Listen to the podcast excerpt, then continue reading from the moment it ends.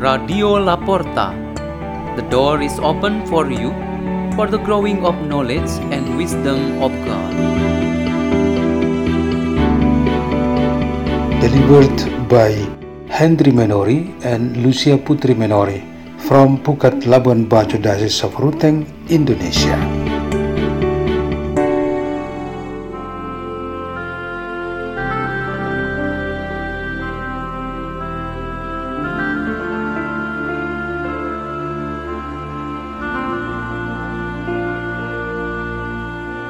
Reading and meditation on the Word of God on Friday of the 27th week in Ordinary Time, October 7, 2022.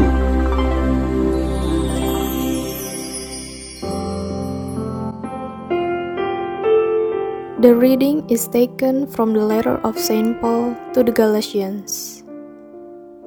Brothers and sisters, realize that it is those who have faith who are children of Abraham.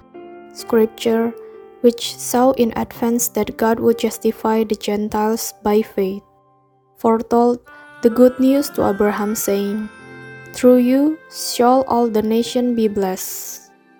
Consequently, those who have faith are blessed along with Abraham who had faith. For all who depend on works of the law are under a curse. For it is written, Cursed be everyone who does not persevere in doing all the things written in the book of the law, and that no one is justified before God by the law is clear. For the one who is righteous by faith will live, but the law does not depend on faith. Rather, the one who does these things will live by them. Christ ransomed us from the curse of the law by becoming a curse for us. For it is written, Cursed be everyone who hangs on the tree, that the blessing of Abraham might be extended to the Gentiles through Christ Jesus, so that we might receive the promise of the Spirit through faith. The Word of the Lord.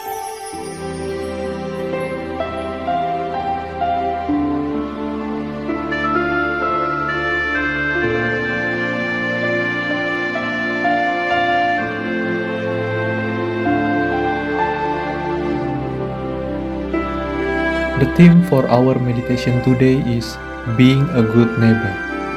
Today, in the Catholic Church, we commemorate the Blessed Virgin Mary, Queen of the Rosary.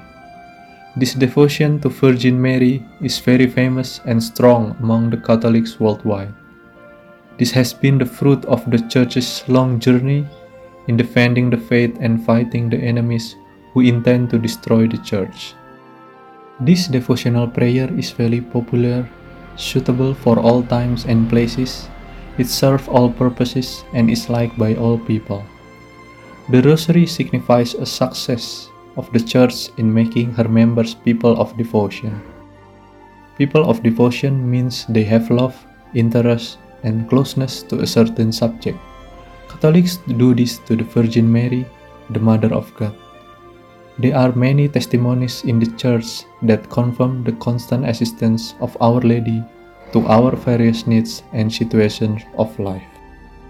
There is a parishioner once asked his priest in this way Which one is the better, praying the rosary privately and collectively?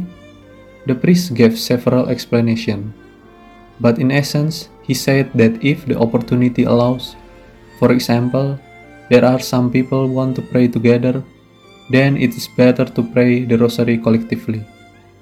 That man agreed because if he prays the rosary by himself, he often loses concentration, gets sleepy, and feels uncomfortable. Praying the rosary together with neighbors, both in small and big groups, indeed strengthens unity and builds a sense of brotherhood among the believers.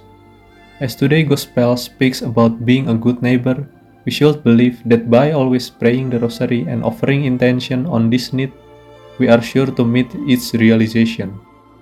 When people together hold their rosaries and recite the litany of Our Father, Hail Mary, and Glory be to the Father repeatedly, they all become children with one Mother Mary, cared for by one Father in heaven, and taught the truth by Jesus Christ.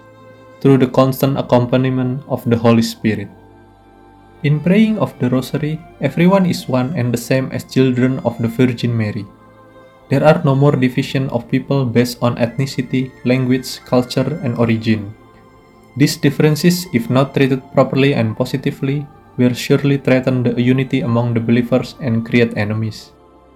The devotion of the Rosary that we are most interested in can make each of us a good neighbor so we can understand, help, and support one another. People who do the devotion of the Rosary but they continue to live is in hostility, anger, and hatred towards each other. This means that their devotion is not true and sincere. Let's pray. In the name of the Father, Son, and the Holy Spirit. Amen. O Lord Jesus Christ, may through the devotion of the Holy Rosary, we will be more and more like your Mother Mary, who is ever faithful to Father's will. Hail Mary, full of grace, the Lord is with thee. Blessed art thou amongst women, and blessed is the fruit of thy womb, Jesus. Holy Mary, Mother of God, pray for us sinners, now and at the hour of our death. Amen. In the name of the Father, Son, and the Holy Spirit. Amen. Radio La Porta. The door is open for you.